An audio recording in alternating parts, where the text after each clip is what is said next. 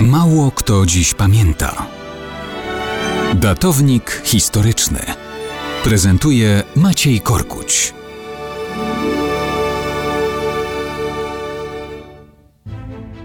Mało kto dziś pamięta, że we francuskim miasteczku Abbeville 12 września 1939 roku po raz pierwszy zebrała się francusko-brytyjska Najwyższa Rada Wojenna. Polska wciąż domagała się uruchomienia frontu na zachodzie, któremu Niemcy nie byliby w stanie przeciwstawić efektywnej obrony. Niemiecki generał Heinz Guderian nie posiadał się ze zdziwienia, dlaczego Francuzi nie wykorzystali tak sprzyjających okoliczności do ataku na pozycję wroga.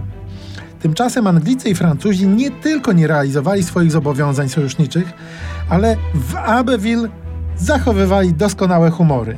Jak zapisano w protokołach, premier brytyjski Chamberlain uznał decyzję o niepodjęciu jak dotąd operacji na wielką skalę we Francji za mądrą.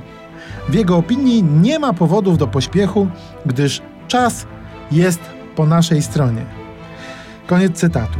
Premier Francji Edouard Daladier mówił, cytuję, że jest całkowicie pewny, że operacje ofensywne na wielką skalę, podjęte na samym początku, byłyby błędem. Natomiast francuski głównodowodzący Gamelin stwierdzał, że wcale nie nosi się z zamiarem rzucenia swojej armii przeciwko głównym siłom obronnym Niemiec. Mówili o unikaniu strat i o tym, że wojna w Polsce to igraszka.